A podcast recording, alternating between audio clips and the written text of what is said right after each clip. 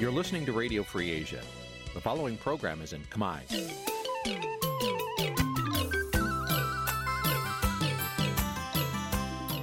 នេះជាកម្មវិធីផ្សាយ Vuthu Azizi Serai នេះជាកម្មវិធីផ្សាយរបស់ Vuthu Azizi Serai ជាភាសាខ្មែរ Vuthu Azizi Serai សូមស្វាគមន៍លោកអ្នកនាងទាំងអស់ពីរដ្ឋធានី Washington នៃសហរដ្ឋអាមេរិក ចាប់ពីរដ្ឋធានី Washington នាងខ្ញុំម៉ៅសុធានីសូមជម្រាបសួរលោកអ្នកស្ដាប់ទាំងអស់ជាទីមេត្រី ចាយើងខ្ញុំសូមជូនការផ្សាយសម្រាប់ព្រឹកថ្ងៃសៅរ៍ពីរោចខែស្រាបឆ្នាំថោះបัญចស័កពុទ្ធសករាជ2567ហើយដល់ត្រូវនឹងថ្ងៃទី2ខែកញ្ញាគ្រិស្តសករាជ2023ជាកិច្ចចាប់ផ្ដើមនេះនាងខ្ញុំសូមអញ្ជើញលោកអ្នកនាងកញ្ញាស្ដាប់ព័ត៌មានប្រចាំថ្ងៃដែលមានមេត្តាដូចតទៅ ក្រសួងមហាផ្ទៃកំពុងរកមុខអ្នកបើកកបាតយោទឹក ដែលបណ្ដាលឲ្យទឹកហូរហៀនៅអាគារក្រសួងកម្មករចង់ដំឡើងប្រាក់ខែគោលដល់220ដុល្លារសម្រាប់ទប់ទល់នឹងទំនិញឡើងថ្លៃគ្រប់មុខលោកហ៊ុនម៉ា ណែតថាលោកនឹងកែតម្រង់ការតែងតាំងទីប្រឹក្សានិងជំនួយការក្រោយរងការរិះគន់ជីវប្រវត្តិសង្ខេបកូនស្រីរបស់លោកចំប្រសិទ្ធដែលក្លាយជារដ្ឋមន្ត្រីក្រសួងពាណិជ្ជកម្មបន្តពីឪពុករួមនឹងព័ត៌មានសំខាន់សំខាន់មួយចំនួនទៀត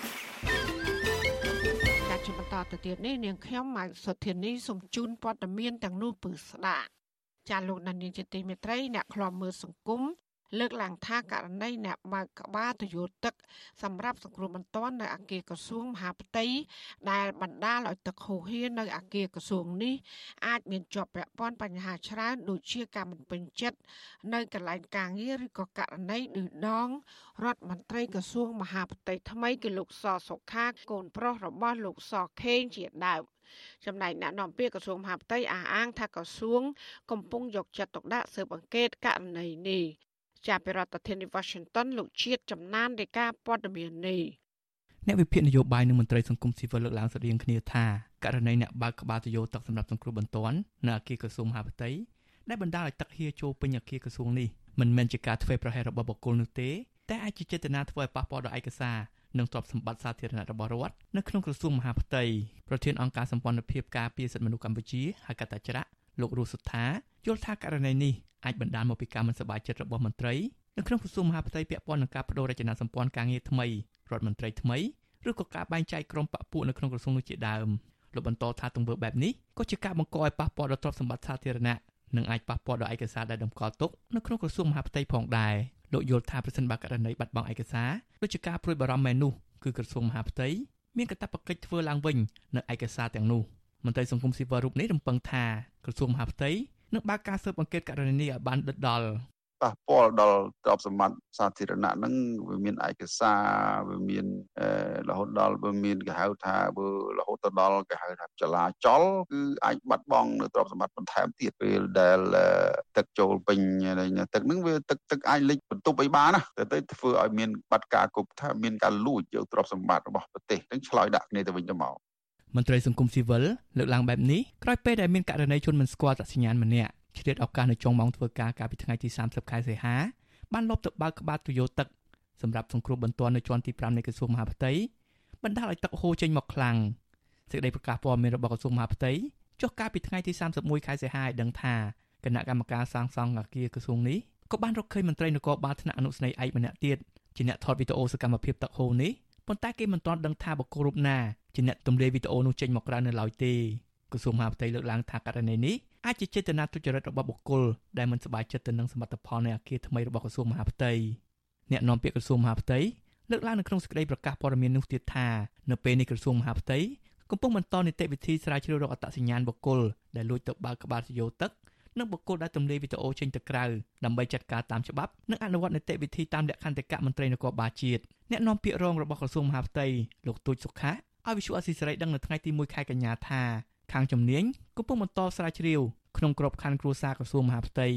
ទោះជាយ៉ាងណាលោកទូចសុខៈមិនអាចបញ្ជាក់លម្អិតអំពីការស្រាវជ្រាវនៅឡើយទេដោយឡែកអ្នកវិភាគនយោបាយលោកកឹមសុខយល់ថាករណីនេះត្បិតមើលទៅជារឿងសាមញ្ញតែពិនិត្យឲ្យដល់មិនមែនជារឿងធម្មតានោះឡើយលោកបន្តថាជនបង្កនោះអាចជាភ្នាក់ងាររបស់អ្នកនយោបាយជាន់ខ្ពស់ណាម្នាក់ឬក្រុមណាមួយដែលធ្វើសកម្មភាពបង្ហាញពីចិត្តច្រណែនលើកូនប្រុសរបស់លោកសខេងដែលទទួលបានតំណែងជារដ្ឋមន្ត្រីក្រសួងមហាផ្ទៃ លោកបន្តទៀតថាការបង្កើតបាតុភូតចម្លែកនៅក្នុងក្រសួងមហាផ្ទៃគណៈក្រសួងមហាផ្ទៃដែលកូនប្រុសលោកសខេងមកអង្គុយធ្វើការនៅពេលនេះជាអគារធំស្កឹមស្កៃនិងល្អជាងអគារទីស្តីការគណៈរដ្ឋមន្ត្រីរបស់កូនប្រុសលោកហ៊ុនសែនគឺលោកនាយករដ្ឋមន្ត្រីហ៊ុនម៉ាណែតដែលអង្គុយធ្វើការទៅទៀតលោកយល់ថាប្រសិនបើក្រសួងមហាផ្ទៃចង់ស៊ើបអង្កេតមិនពិបាកនោះទេប៉ុន្តែលោកបារម្ភថារដ្ឋមន្ត្រីក្រសួងមហាផ្ទៃថ្មីមិនហ៊ានបង្ហាញលទ្ធផលពិតនៃការស្រាវជ្រាវនេះ បង្ហាញចិត្តច្រណែននយោបាយណាមួយពីក្រមណានៅក្នុងផ្ទៃក្នុងគណៈបកប្រជាជនកម្ពុជាទេពីព្រោះវាមិនដែលសុកសុកបកុលម្នាក់ទៅបើកទឹកហើយបើកខុស បើកខុសហើយដើរចេញមិនស្រែករកជំនួយដើម្បីបិទទឹកហ្នឹងណាអាចស្ថិតនៅក្នុងលំដាប់នៃការធ្វើភារវកម្មប្រសិនបើបុគ្គលនោះមានបណ្ដាញដោយសារតែការទៅបើកនោះនៅក្នុងអគារក្រសួងមហាផ្ទៃចង់បំផ្ទុះក្រសួងមហាផ្ទៃចោលឬចង់បំផ្លាញប្រព័ន្ធការងារអេឡិចត្រូនិករបស់ក្រសួងមហាផ្ទៃឬបានជាបើកទឹកចោលហើយដើរចេញបង្កើតទៅជាបាតុភូតផ្សេងអាហ្នឹងណាអតីតរដ្ឋមន្ត្រីក្រសួងមហាផ្ទៃលោកសខេងបានសាងសង់អគារក្រសួងមហាផ្ទៃថ្មីនៅលើដីចាស់ តាមបណ្ដោយមហាវិថីនរោត្តមក្នុងសង្កាត់ទន្លេបាសាក់ខណ្ឌចំការមនក្រុងភ្នំពេញមុនលោកចាក់ចេញពីតំណែងនេះអគារនេះមានកម្ពស់9ជាន់បានចំណាយថវិការដ្ឋជាង60លានដុល្លារអាមេរិកលើផ្ទៃដីជាង10ហិកតាគណៈកម្មការសាងសង់អគារនេះសង្ស័យថាករណីលួចបើកទឹកបង្ហូរចោលនេះជនប្រព្រឹត្តធ្វើឡើងក្នុងគោលបំណងមិនល្អដើម្បីឲ្យប៉ះពាល់ដល់កិត្តិយសរបស់គណៈកម្មការសាងសង់អគារនេះខ្ញុំបាទជាចំណាន Visual Society ប្រធានាទី Washington ចាលោកនាងកញ្ញាកំពុងស្ដាប់ការផ្សាយរបស់វិទ្យុអស៊ីស្រីផ្សាយចេញពីរដ្ឋធានី Washington នៅឯខេត្តត្បូងឃ្មុំឯនោះវិញបរិវត្តជាច្រើនគូសាររស់នៅក្នុងស្រុកមេមត់នៅតែបន្តអាស្រ័យផលនឹងដាំដុះលើដីចំការដែលជាគេឪពុកម្ដាយរបស់ពួកគាត់ដែលបានបាត់បង់ទៅវៀតណាមក្រោយពីបានបោះបង្គោលព្រំដែន ចាពួកគាត់អះអាងថាអាញាធរខ្មែរនិងវៀតណាមបានពន្លឿនការបោះបង្គោលព្រំដែននៅតំបន់នោះដោយលាក់លៀមនៅពេលដែលកម្ពុជាកំពុងរាលដាលនៃជំងឺ Covid-19 និងមានវិបត្តិនយោបាយចាសសេចក្តីរាយការណ៍ពីស្ដាមពីរឿងនេះលោកដានៀងនឹងបានស្ដាប់នាពេលបន្តិចទៀតនេះលោកនានីជាទីមេត្រីដំណើរធាននឹងស្ដាប់ការផ្សាយរបស់វិទ្យុអសីស្រី តាមបណ្ដាញសង្គម Facebook YouTube និង Telegram លោកអ្នកនាងក៏អាចស្ដាប់ការផ្សាយរបស់យើងតាមរលក ធាតុអាកាសខ្លីឬ Shortwave តាមកម្រិតនិងកម្ពស់ដូចតទៅចាប់ពីព្រឹកចាប់ពីម៉ោង5កន្លះដល់ម៉ោង6កន្លះតាមរយៈប៉ុស SW 12.14 MHz ស្មើនឹងកម្ពស់ 25m និងប៉ុស SW 13.71 MHz ស្មើនឹងកម្ពស់22ម៉ែត្រការសម្រាប់ពេលយប់វិញគឺចាប់ពីម៉ោង7កន្លះដល់ម៉ោង8កន្លះគឺតាមរយៈប៉ុស SW 9.33 MHz ស្មើនឹងកម្ពស់32ម៉ែត្រប៉ុស SW 11.88 MHz ស្មើនឹងកម្ពស់25ម៉ែត្រនិងប៉ុស SW 12.15 MHz ស្មើនឹងកម្ពស់25ម៉ែត្រចាសសូមអរគុណចាលោកនាយកយទីមេត្រីដែលឡាយប្រព័ន្ធនឹងក្រុមនិស្សិតវិញ ពួកគេបានចូលវគ្គបណ្ដុះបណ្ដាលស្ដីពីអភិបាលកិច្ចបែបលទ្ធិប្រជាធិបតេយ្យនិងភាពជាប្រដ្ឋសកម្មជាមួយអង្គការ YRDP លើកឡើងថាពួកគេ ត្រៀមខ្លួនក្លាយជាប្រដ្ឋសកម្មចាលោកថាថៃរាយការណ៍ព័ត៌មាននេះ ក្រុមនិស្សិតដែលបានចូលរួមវគ្គបណ្ដុះបណ្ដាលស្ដីពីអភិបាលកិច្ចបែបប្រជាធិបតេយ្យនិងភាពជាពលរដ្ឋសកម្មលើកឡើងដូចដូចគ្នាថាពួកគាត់បានត្រៀមខ្លួនក្លាយជាពលរដ្ឋសកម្មដើម្បីចូលរួមលើកកម្ពស់ការអភិវឌ្ឍនិងការគោរពសិទ្ធិមនុស្សការលើកឡើងរបស់ក្រុមនិស្សិតបែបនេះធ្វើឡើងបន្ទាប់ពីពួកគាត់បានចូលរួមវគ្គបណ្ដុះបណ្ដាលស្ដីពីអភិបាលកិច្ចបែបប្រជាធិបតេយ្យនិងភាពជាពលរដ្ឋសកម្មជាមួយអង្គការកម្មវិធីអភិវឌ្ឍធនធានយុវជនហៅកាត់ថា YRDP ដែលរៀបចំវគ្គបណ្ដុះបណ្ដាលនេះ ចាប់តាំងពីថ្ងៃទី27ខែសីហាដល់ថ្ងៃទី2ខែកញ្ញាដោយមាននិស្សិតមកពីសាកលវិទ្យាល័យក្នុងរាជធានីភ្នំពេញចូលរួមសរុបចំនួន21នាក់និស្សិតផ្នែកសង្គមវិទ្យាឆ្នាំទី1នៃសាកលវិទ្យាល័យភូមិន្ទភ្នំពេញលោកផង់អានប្រាប់វិទ្យុអាស៊ីសេរីនៅថ្ងៃទី1កញ្ញាថាលោកបានយល់កាន់តែច្បាស់អំពីទូនាទីយុវជន និងសិទ្ធិរបស់ប្រជាពលរដ្ឋរស់ក្នុងសង្គមលទ្ធិប្រជាធិបតេយ្យបន្ទាប់ពីលោកបានចូលរួមវគ្គបណ្ដុះបណ្ដាលជាមួយអង្គការ YRDP លោកបានថែមថាលោកបានផ្លាស់ប្តូរការគិតនិងអិរិយាបថជាច្រើនបន្ទាប់ពីបានស្វែងយល់អំពីសិទ្ធិមនុស្សនិងការគិតបែបស៊ីជម្រៅអំពីលទ្ធិប្រជាធិបតេយ្យ ខ្ញុំមានគម្រោងក្នុងការចុះធ្វើសិក្ខាសាលាមួយដែរស្ដីពីសិទ្ធិរបស់ជាពលរដ្ឋនៅក្នុងសង្គមលទ្ធិប្រជាធិបតេយ្យដើម្បីឲ្យយុវជនយើងផ្សេងផ្សេងទៀតនឹងបានយល់ដឹងអំពីបញ្ហាសង្គមយើងអំពីប្រជាធិបតេយ្យក្នុងសង្គមយើងហើយតើប្រជាធិបតេយ្យពិតប្រាកដនឹងបែបណាហើយការអនុវត្តបែបឬក៏ការអភិវឌ្ឍបែបហ្នឹងហ្នឹងវាស្របជាមួយនឹងលទ្ធិប្រជាធិបតេយ្យដែលយើងមាននៅក្នុងពិភពលោកយើងឬមួយក៏អត់ស្រដៀងគ្នានេះសមណនិស្សិតជំនាញអប់រំពេញមួយជីវិតនៃសាកលវិទ្យាល័យភូមិន្ទភ្នំពេញព្រះអង្គទឹកសៅធាមានធរណីកាថាព្រះអង្គយល់ដឹងកាន់តែច្បាស់អំពីការវិដំឡៃអំពីលទ្ធិប្រជាធិបតេយ្យដោយផ្អែកទៅលើលក្ខណៈ12យ៉ាងរួមមានការបែងចែកអំណាចដំណើរការបោះឆ្នោតនិងស្ថានភាពគោរពសិទ្ធិមនុស្សជាដើមព្រះអង្គបន្ថែមទៀតថាក្រៅពីផ្ដល់ឱកាសឲ្យសិក្ខាកាមបានជជែកដេញដោលអំពីស្ថានភាពនយោបាយដោយមិនមានការរឹតបន្តឹងហើយនោះវាអភិបាលកិច្ចបែបប្រជាធិបតេយ្យនិងភាពជាពលរដ្ឋសកម្មរបស់អង្គការ YRDP ក៏បានដឹកនាំសិក្ខាកាមចុះជួបគណៈបកនយោបាយ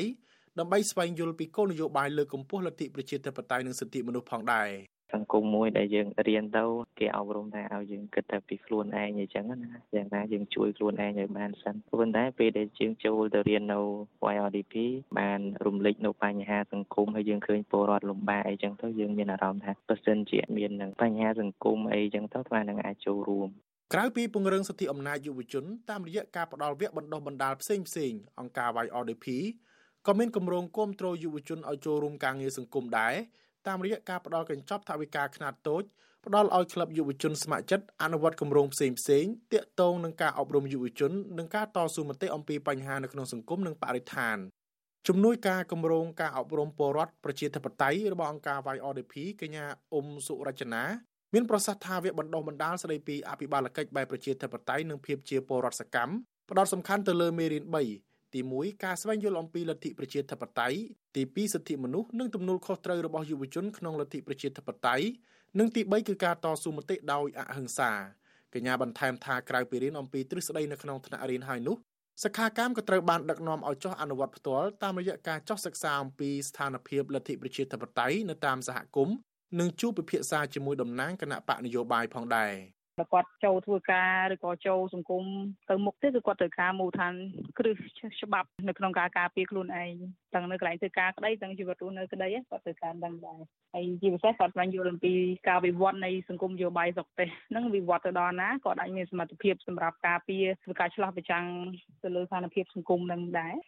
ទោះជាយ៉ាងណាក្រុមសិក្ខាកាមដែលបានសិក្សាវគ្គបណ្ដុះបណ្ដាលចាប់ពីថ្ងៃទី27ខែសីហាដល់ថ្ងៃទី2ខែកញ្ញា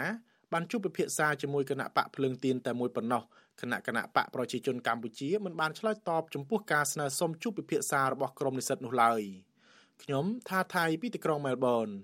ចាលោកដានីលជាទីមេត្រីពាក់ព័ន្ធពីស្ថានភាពលំបាករបស់កម្មកររោងចក្រលោកហ៊ុនម៉ាណែតសន្យាថាដំឡើងប្រាក់ខែគោលជូនកម្មករនយោជិតក្នុងវិស័យវិជ្ជាភ័ណ្ឌកាត់ដេរផលិតស្បែកជើងនិងផលិតផលធ្វើដំណើរក្នុងឆ្នាំ2024 ចាមេសាជីពនិងកម្មករស្វាគមន៍ការប្រកាសរបស់លោកហ៊ុនម៉ាណែតហើយក៏បានស្នើដល់រដ្ឋាភិបាលថ្មីឲ្យគិតគូរពីស្ថានភាពរបស់កម្មករដែលត្រូវការប្រាក់ខែរស់នៅសមរម្យនិងបញ្ចុះតម្លៃទំនិញនៅលើទីផ្សារជាចាំបាច់ លោកនាយករដ្ឋមន្ត្រីហ៊ុនម៉ាណែតសរសើរពីគោលនយោបាយរបស់ឪពុកដែលលោកអះអាង ថាបានយកចិត្តទុកដាក់ជួយដល់កម្មករហើយលោកបដិញ្ញានឹងយកគោលនយោបាយនោះ ទៅអនុវត្តបន្តទៀត។ លោកហ៊ុនម៉ាណែតថ្លែងក្នុងវេទិកាចុះជួបកម្មករក្នុងខេត្តកណ្ដាលនៅថ្ងៃទី1ខែកញ្ញាដែលបានសន្យាថារដ្ឋាភិបាលរបស់លោកនឹងដំឡើងប្រាក់ឈ្នួលគោលជូនកម្មករក៏ប៉ុន្តែលោកមិនបានបញ្ជាក់ថាប្រាក់ឈ្នួលកម្មករសម្រាប់ឆ្នាំ2024នឹងដំឡើងចំនួនប៉ុន្មាននោះទេយើងគិតគូរទាំងពីរ ជីវភាពរបស់ប្រជាពលរដ្ឋប្រាក់បៀវត្សដែលអាដាមហេងស៊ូនិយាយចឹងគឺពី40ដុល្លារឆ្នាំ90មកអបបរមា200ដុល្លារឥឡូវកំពុងតែចរចាទៀតព្រោះគោលការណ៍មួយរបស់រាជរដ្ឋាភិបាលនៃការបដិញ្ញាចិត្តនឹងបន្តបង្កើននៅប្រាក់បៀវត្សអបបរមារបស់កម្មករនយោជកក៏ដូចជាបៀវត្សបត្រីរាជការទៅតាមលទ្ធភាពថវិកាដែលយើងអាចធ្វើទៅបានណាយើងមិនអាចធានាគុណម្ដងមួយជាពីរទេប៉ុន្តែយើងនឹងធានាសំបីតែជំនាន់កូវីដក៏យើងត្រូវតែធានាដោះស្រាយដែលជាលំបាក ពាក់ព័ន្ធនឹងការសន្យារបស់លោកហ៊ុនម៉ាណែតនេះកម្មកររោងចក្រកាត់ដេរនៅរាជធានីភ្នំពេញលោកស្រីអុកចន្ទធីប្រពន្ធស៊ីស្រីថាសប្តាហ៍នេះជីវភាពរបស់កម្មករជួបការលំបាកខ្លាំងដោយសារប្រាក់ខែតិចតួចតែចំណាយច្រើននៅមុខទំនិញគ្រប់ប្រភេទធ្វើឲ្យលោកស្រីនិងអ្នកផ្សេងទៀតត្រូវចាយវាយដោយត្បិតត្បៀត លោកស្រីបន្ថែមថាកម្មករស្នើសុំដំឡើងប្រាក់ខែគោលយ៉ាងហោចណាស់220ដុល្លារអាមេរិកដើម្បីជួយទប់ទល់ការចំណាយបានខ្លះលោកស្រីសង្ឃឹមថាគោលនយោបាយរដ្ឋាភិបាលថ្មីមិនធ្វើឲ្យប្រវត្តិខកចិត្តដោយរដ្ឋាភិបាលចាស់ដែលសន្យាអូទាញទឹកចិត្តប្រជាពលរដ្ឋឲ្យតែល្អមើលនៅខាងក្រៅសូមឲ្យនាយករដ្ឋមន្ត្រីថ្មីដែលគាត់ទៅនឹងឡើងកាន់តំណែងហ្នឹងបើគាត់អាធានា ការនឹងដំឡើងប្រាក់ខែជូនកម្មករហើយសូមឲ្យដំឡើងឲ្យបានយ៉ាងទៀប20ដុល្លារទៅនឹងហើយកម្មករអាចដោះស្រាយជីវភាពគ្រួសារបានខ្លះ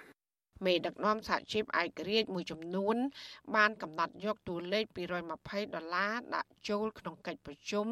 នៃក្រុមប្រឹក្សាជាតិប្រាក់ឈ្នួលអបបរមា ដើម្បីចរចាប្រាក់ឈ្នួលគោលក្នុងវិស័យវិជ្ជាភ័ណ្ឌកាត់ដេរ ផលិតស្បែកជើងនិងផលិតផលធ្វើដំណើរសម្រាប់ឆ្នាំ2024នៅឆ្នាំ2023រដ្ឋាភិបាល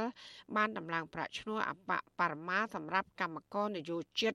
ផ្នែកវិជ្ជាភ័ណ្ឌកាត់ដេរនិងផលិតផលស្បែកជើង ចំនួន200ដុល្លារក្នុងមួយខែខណៈសហជីពលើកឡើងថាកម្មករអាចរស់បានសមរម្យក្នុងកម្រិតប្រាក់ឈ្នួលគោលចន្លោះពី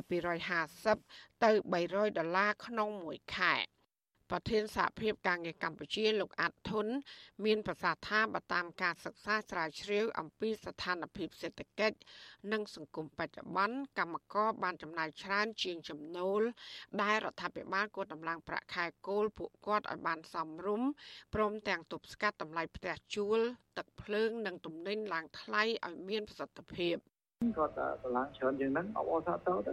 ក៏បានតិចជាងហ្នឹងអបអរសាទរក៏បានមានអ្នកណាទៅទៅធ្វើមិនកើតអាហ្នឹងគឺរឿងហ្នឹងប៉ុន្តែខ្ញុំសូមបញ្ជាក់ដែរថាបើសិនជាអាតម្លើងនឹងតិចពេកក៏វាមិនមែនជាកាដូឬក៏ជាស្នាដៃដើម្បីតាក់ទាញអារម្មណ៍កម្មករបានទេវាគាត់នឹងថាធ្វើទៅហើយ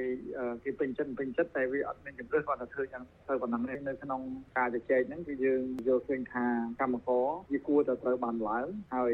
ឡើងនៅក្នុងកម្រិតមួយដែលអាចចាយវាបានសមរម្យបើមិនដូច្នោះទេមានន័យថាកម្មករពិបាក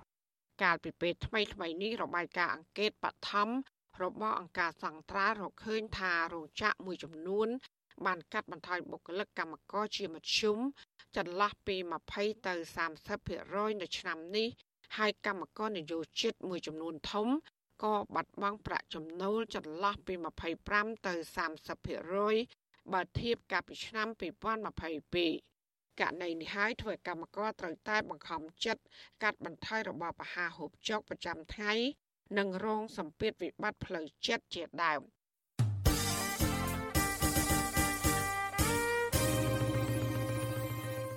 ចាលោកនាយកជាទីមេត្រីពាក់ព័ន្ធនឹងនាយករដ្ឋមន្ត្រីថ្មីលោកហ៊ុនម៉ាណែតនេះអ្នកខ្លំមើលថាការតែងតាំងទីប្រឹក្សានិងជំនួយការតាមក្រសួងស្ថាប័នរដ្ឋ និងរដ្ឋាភិបាលរបស់លោកហ៊ុនម៉ាណែតនេះ គឺมันបានជួយឲ្យប្រទេសជាតិរីកចម្រើននោះទេក៏ប៉ុន្តែ គឺជាការពង្រីកអំពើពុករលួយ នៅក្នុងស្ថាប័នរដ្ឋការលើកឡើងនេះនៅបន្ទាប់ពីលោកហ៊ុនម៉ាណែតថ្លែងថាលោកនឹងកែសម្រួលឡើងវិញ នៅការតែងតាំងទីប្រឹក្សានិងជំនួយការជាប្រធានាធិបតី Washington លោកយ៉ងច័ន្ទដារារាជការព័ត៌មាននេះអ្នកវិភាគនយោបាយលើកឡើងថា វាជារឿងគួរឲ្យអស់សំណើច ដែលលោកហ៊ុនម៉ាណែតជាអ្នកតែងតាំងទីប្រឹក្សានិងជំនួយការប្រងព្រាតនៅតាមក្រសួងស្ថាប័នរដ្ឋនានា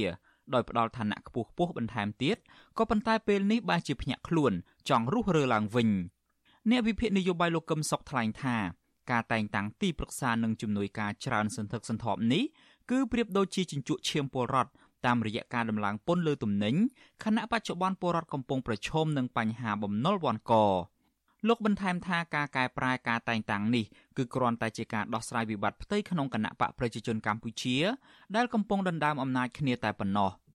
បង្កើនពន្ធដល់ប្រជាពលរដ្ឋឲ្យទៅចិញ្ចឹមក្បាលធំនៃរដ្ឋាភិបាលនិងទីប្រឹក្សាជាង10000នាក់ហើយទី2គឺជាកម្មមើលងាយប្រជាពលរដ្ឋខ្លាំងណាស់ពីព្រោះប្រជាពលរដ្ឋកំពុងតែប្រឈមនឹងអត់ការងារក្រីក្រលំបាកវ៉ាន់កនិងបំណុល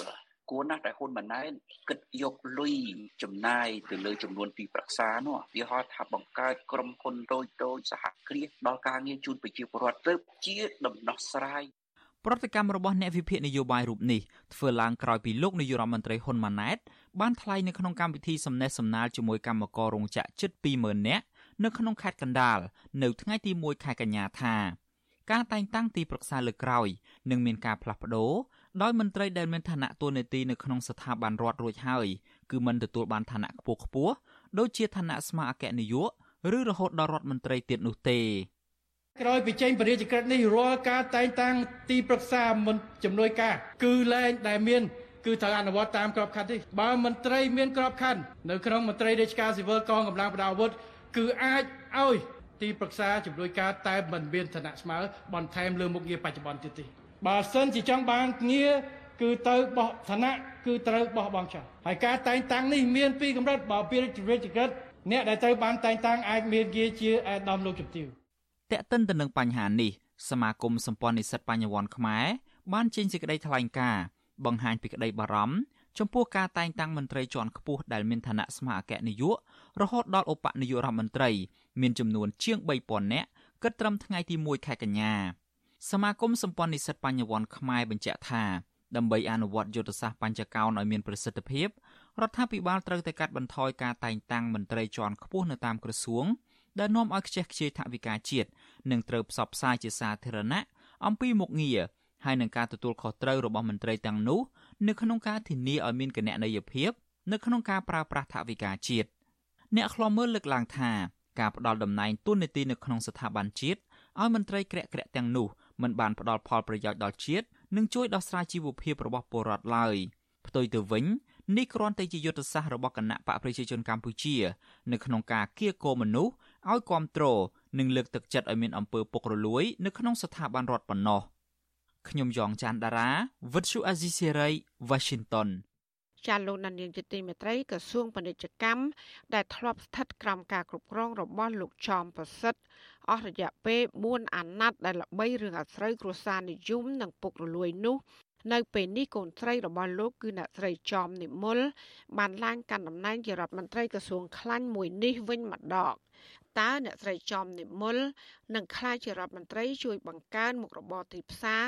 និងប្រាក់ចំណូលសម្រាប់ពលរដ្ឋឬក៏ជួយបង្កើនតែឱកាសរកស៊ីនិងបង្កើនប្រាក់ចំណូលសម្រាប់ក្រុមគ្រួសារនិងបពពួករបស់ខ្លួនចាសសេចក្តីរាយការណ៍ពុស្ដាអំពីការបន្តតំណែងរដ្ឋមន្ត្រីក្រសួងពាណិជ្ជកម្មតវងត្រកូលនេះ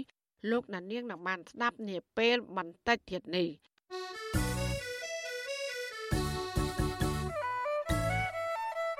ចាលោកណានៀងជាទីមេត្រីកម្មវិធី podcast កម្ពុជាសប្តាហ៍នេះរបស់វិទ្យុអសីស្រីចេញផ្សាយនៅរៀងរាល់ព្រឹកថ្ងៃសៅរ៍នៃសប្តាហ៍នីមួយៗមកនៅប្រទេសកម្ពុជា កម្មវិធីនេះរៀបចំដោយនាយកនិងនាយករងនៃកម្មវិធីការផ្សាយរបស់វិទ្យុអសីស្រីជាភាសាខ្មែរគឺលោកសំពូលីនិងលោកជុនច័ន្ទបុតចាសសូមប្រិយមិត្តស្វែងរកនិងស្ដាប់ podcast របស់យើង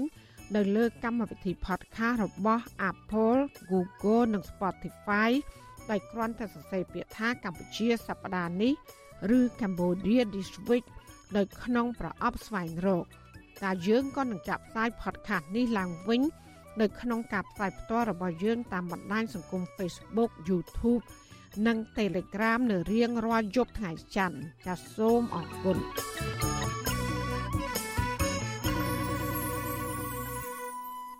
ចាលោកនានីជាទីមេត្រីប្រជាប្រដ្ឋនៅខេត្តតាកែវនិងមន្ត្រីសង្គមស៊ីវិល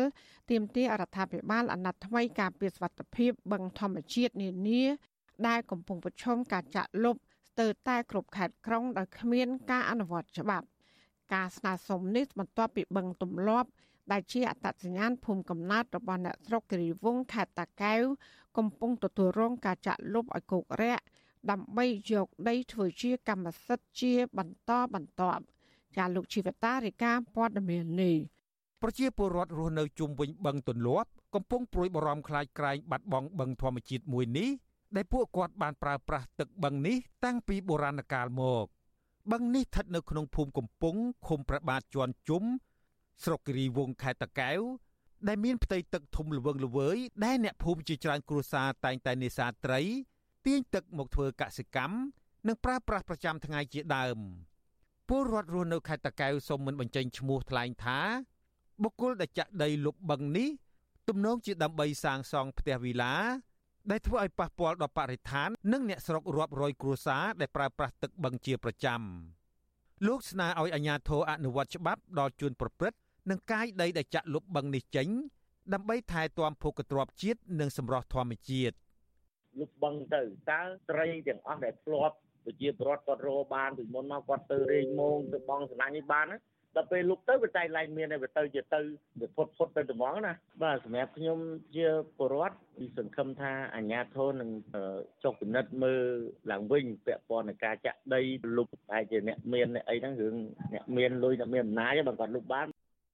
អ្នកភូមិបន្ថែមថាសកម្មភាពចាក់ដីលុបបឹងធម្មជាតិនេះធ្វើឡើងជាបន្តបន្ទាប់នៅរយៈពេល3ខែចុងក្រោយនេះ ដោយជនល្មើសបានប្រើគ្រឿងចាក់ជាច្រើនគ្រឿងចាក់ដីលយចូលផ្ទៃទឹកបឹងចន្លោះពី40ម៉ែត្រទៅដល់100ម៉ែត្រនិងបណ្ដោយជាង100ម៉ែត្របង្កឲ្យប៉ះពាល់ដល់អាងស្តុកទឹកយ៉ាងសំខាន់ដែលពលរដ្ឋប្រើប្រាស់សម្រាប់ធ្វើកសិកម្មបឹងនេះមានទំហំរាប់រយហិកតា មានផ្ទៃទឹកទូលាយនៅជិតនឹងព្រំដែនកម្ពុជាវៀតណាមដោយមានបណ្ដាញទឹកខ្វាត់ខ្វែងភ្ជាប់នឹងបឹងដទៃទៀតអ្នកស្រុកគិរីវងចាត់ទុកបឹងនេះ ជាប្រភពសេដ្ឋកិច្ចយ៉ាងសំខាន់ដែលពលរដ្ឋក្រីក្រប្រើប្រាស់ចិញ្ចឹមជីវិត ហើយពួកគាត់អំពាវនាវដល់អាជ្ញាធរឲ្យអភិរក្សបឹងនេះឲ្យបានគង់វង្សវិទ្យុអាស៊ីសេរីមិនទាន់អាចតាក់ទងសុំការបំភ្លឺរឿងនេះពីអភិបាលស្រុកគិរីវងលោកងួនឌីណាបាននៅឡើយទេ នៅថ្ងៃទី31សីហាចំណែកអភិបាលខេត្តតាកែវលោកអួយភាក៏មិនទាន់អាចសុំការបំភ្លឺបានដែរនៅថ្ងៃដដែលនេះដោយទូរស័ព្ទហៅចូលជាច្រើនដង តែគ្មានអ្នកទទួល មន្ត្រីពង្រឹងសិទ្ធិអំណាចសហគមន៍មូលដ្ឋាននៃសមាគមអាត6លោកប៉ែនប៊ុនណាយល់ថាការចាក់ដីលុបបឹងនឹងធ្វើឲ្យខូចទ្រង់ទ្រាយបឹងធម្មជាតិនិងជាបទល្មើសព្រហ្មទណ្ឌ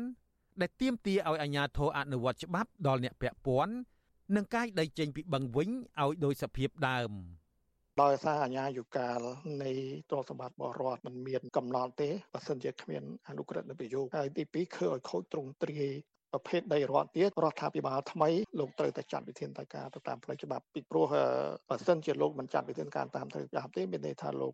ប្រកាសជាលោកប្រកាន់យកអនិតិរដ្ឋដែរបាទបាទមានន័យយកបុគ្គលធំជាច្បាប់ដែរវាផ្ទុយពីការសច្ចាប្រណិធានរបស់លោកមុននឹងចូលការតំណែងសកម្មភាពចាក់ដីលុបបឹងបួរនិងព្រែកធ្វើជាកម្មសិទ្ធិឯកជន ដោយបុគ្គលមានលុយមានអំណាចកំពុងកើតមានស្ទើរតែគ្រប់ខេត្តក្រុង ដោយគ្មានអាជ្ញាធរណាអនុវត្តច្បាប់ដល់អ្នកពាក់ព័ន្ធនៅឡើយទេលោកប៉ែនប៊ុនណាបន្ថែមថាអំពើនិទានភាពឬទម្លាប់ឲ្យជនល្មើសរួចទោសក្នុងករណីនេះស្ទើរคล้ายជាទម្លាប់ដដែលដដែលដោយគ្មានយន្តការកែប្រែឬបង្ក្រាបនៅឡើយទេលោកអំពីវនីវដល់នាយករដ្ឋមន្ត្រីថ្មីលោកហ៊ុនម៉ាណែតស្នើសុំឲ្យដោះស្រាយបញ្ហាប្រឈមទាំងនេះដើម្បីសវត្ថិភាពបរិស្ថាននិងប្រយោជន៍រួមរបស់ជាតិ ខ្ញុំជីវិតាអាស៊ីសេរីអាស៊ីសេរីចាលោកដានីជាទីមេត្រីសហព័ន្ធខ្មែរកម្ពុជាក្រោមកាលពីថ្ងៃទី1ខែកញ្ញាម្សិលមិញបានដឹកនាំបាតកោទៅធ្វើបាតកម្មដើម្បីទាមទាររដ្ឋាភិបាលវៀតណាមដោះលែងសកម្មជនខ្មែរក្រោមចំនួន4នាក់ដែលកំពុងជាប់ពន្ធនាគារនៅប្រទេសវៀតណាមបាតកម្មនេះធ្វើឡើងនៅមុខស្ថានកុងស៊ុលវៀតណាមនៅទីក្រុង San Francisco រ ដ្ឋកាលីហ្វ័រញ៉ាសហរដ្ឋអាមេរិកដែលមានបាតកោប្រមាណ60នាក់ចូលរួម។ប្រធាននាយកដ្ឋានព័ត៌មានសហព័ន្ធខ្មែរកម្ពុជាក្រោមព្រះភិក្ខុសឹងយើងរតនាមានធរណីកាថាបដកម្មនេះគឺធ្វើឡើងដើម្បីទាមទាររកយុត្តិធម៌ឲ្យសកម្មជនខ្មែរក្រោម4នាក់ដែលកំពុងជាប់ពន្ធនាគារ ក៏គោលបំណងធំនឹងគឺដើម្បីទាមទារឲ្យរដ្ឋាភិបាលវៀតណាមនឹងត្រូវតែដោះលែងនៅសកម្មជនសិទ្ធិមនុស្សខ្មែរក្រមជាបន្តដោយឥតលក្ខខណ្ឌពហើយនឹងអំពាវនាវដល់សហគមន៍អន្តរជាតិឲ្យដាក់គំនាបទៅរដ្ឋាភិបាលវៀតណាមនឹងត្រូវតែដោះលែងនៅសកម្មជនខ្មែរក្រមជាបន្ទាន់ផងដែរប្រថាខ្មែរក្រមជាម្ចាស់ស្រុក ចិនជាតិដើមមានសិទ្ធិសេរីភាពគ្រប់គ្រាន់ក្នុងការទាមទារនៅសិទ្ធិសេរីភាពនៃសិទ្ធិសម្រេចវាសនាខ្លួនដោយខ្លួនឯងក្នុងនាមខ្មែរក្រមជាម្ចាស់ស្រុកចិនជាតិដើមនៅលើដែនដីកម្ពុជាក្រមបាទ អាញាធរវៀតណាមបានចាប់ឃុំខ្លួន និងគំរាមកំហែងសកម្មជនសិទ្ធិមនុស្សខ្មែរក្រោមចំនួន9នាក់កាលពីថ្ងៃទី31ខែកក្កដាក្រោមការចោទប្រកាន់ពីបទកេងចំណេញលើសិទ្ធិសេរីភាព និងលទ្ធិប្រជាធិបតេយ្យបំពានលើផលប្រយោជន៍របស់រដ្ឋនិងសិទ្ធិសេរីភាពស្របច្បាប់នៃអង្គការចាត់តាំងនិងបុគ្គលតាមមាត្រា331នៃក្រមព្រហ្មទណ្ឌរបស់ប្រទេសវៀតណាម។ ក្រោយការខាត់ខ្លួននឹងសួរនាំអាជ្ញាធរក៏បានដោះលែងមនុស្ស5នាក់ឲ្យមានសេរីភាពឡើងវិញក៏ប៉ុន្តែនៅបន្តឃុំខ្លួន សកម្មជនសិទ្ធិមនុស្សខ្មែរក្រោមចំនួន4នាក់កាលពីចុងខែសីហាបរដ្ឋខ្មែរក្រោមជាច្រើនអ្នកមកពីបណ្ដារដ្ឋផ្សេងផ្សេងនៅជុំវិញតំបន់រដ្ឋធានី Washington នៅសហរដ្ឋអាមេរិកនិងប្រទេសកាណាដាក៏បានប្រមូលផ្ដុំគ្នាធ្វើបាតកម្មតវ៉ានៅខាងមុខស្ថានទូតវៀតណាមផងដែរ ពួកគេក៏បានជំរុញអាញាធរកុម្មុយនីសវៀតណាមគ្រប់សិទ្ធិមនុស្សជាពិសេសសិទ្ធិជនជាតិដើមរបស់ប្រជារដ្ឋខ្មែរក្រោមដែលកំពុងរស់នៅកម្ពុជាក្រោមក្រុមបាតកោថាប្រជារដ្ឋខ្មែរក្រោមនៅទូទាំងពិភពលោកនឹងមិនបញ្ឈប់សកម្មភាពធ្វើបាតកម្មតវ៉ារបស់ពួកគេនោះឡើយ។ សហព័ន្ធខ្មែរក្រោមនៅអឺរ៉ុបនៅក្នុងទីក្រុងឡាអេនៃប្រទេសហូឡង់នឹងប្រមូលផ្ដុំគ្នាតវ៉ាម្ដងទៀតនៅថ្ងៃទី2ខែកញ្ញានៅមុខស្ថានទូតវៀតណាមដើម្បីបន្តការទាមទារឲ្យដល់លែងសកម្មជនសិទ្ធិមនុស្សខ្មែរក្រោម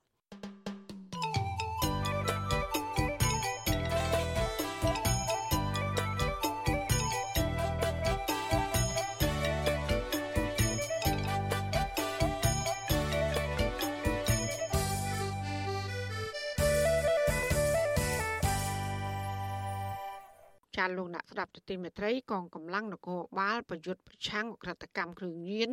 និងបង្ក្រាបការជួញដូរផ្លូវភេទវៀតណាមនៅខេត្តតៃ ninh កាលពីថ្ងៃទី1ខែកញ្ញាម្សិលមិញបានឃាត់ខ្លួនជនសង្ស័យ6នាក់ពីបទជួញដូរផ្លូវភេទឆ្លងដែននិងសង្គ្រោះជនរងគ្រោះបាន2នាក់ការចាប់ជនសង្ស័យនេះធ្វើឡើងនៅបន្ទាប់ពីសមត្ថកិច្ចវៀតណាម បានតាមដានសកម្មភាពរបស់ក្រុមរកស៊ីជួញដូរផ្លូវភេទឆ្លងដែន។ ជនសង្ស័យបានសារភាព ថាពួកគេគឺជាអ្នកស្វែងរកទិញដូរស្ត្រីវ័យក្មេង2នាក់ក្នុងតម្លៃ36លានដុង និងលក់ស្ត្រីក្មេងទាំងនោះទៅឲ្យឈ្មួញកណ្ដាលនៅប្រទេសកម្ពុជា ក្នុងតម្លៃ130លានដុងក៏ប៉ុន្តែនៅពេលពួកគេធ្វើដំណើរមកដល់តំបន់ព្រំដែនអន្តរជាតិមុខបៃបំរុងឆ្លងព្រំដែនចូលកម្ពុជានោះ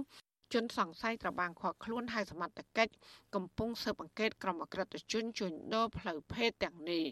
ចាររបាយការណ៍របស់អង្គការសហប្រជាជាតិចេញផ្សាយកាលពីថ្ងៃទី29ខែសីហារកឃើញថា កម្ពុជាគឺជាមជ្ឈមណ្ឌលស្នូលនៃការប្រព្រឹត្តអំពើឆបោកតាមអនឡាញក្នុងនោះយ៉ាងហោចណាស់មានមនុស្សមួយសែននាក់បានខ្លាចជាជនរងគ្រោះដោយសារតែការបង្ខំឲ្យប្រព្រឹត្តអំពើឆបោកតាមប្រព័ន្ធអនឡាញ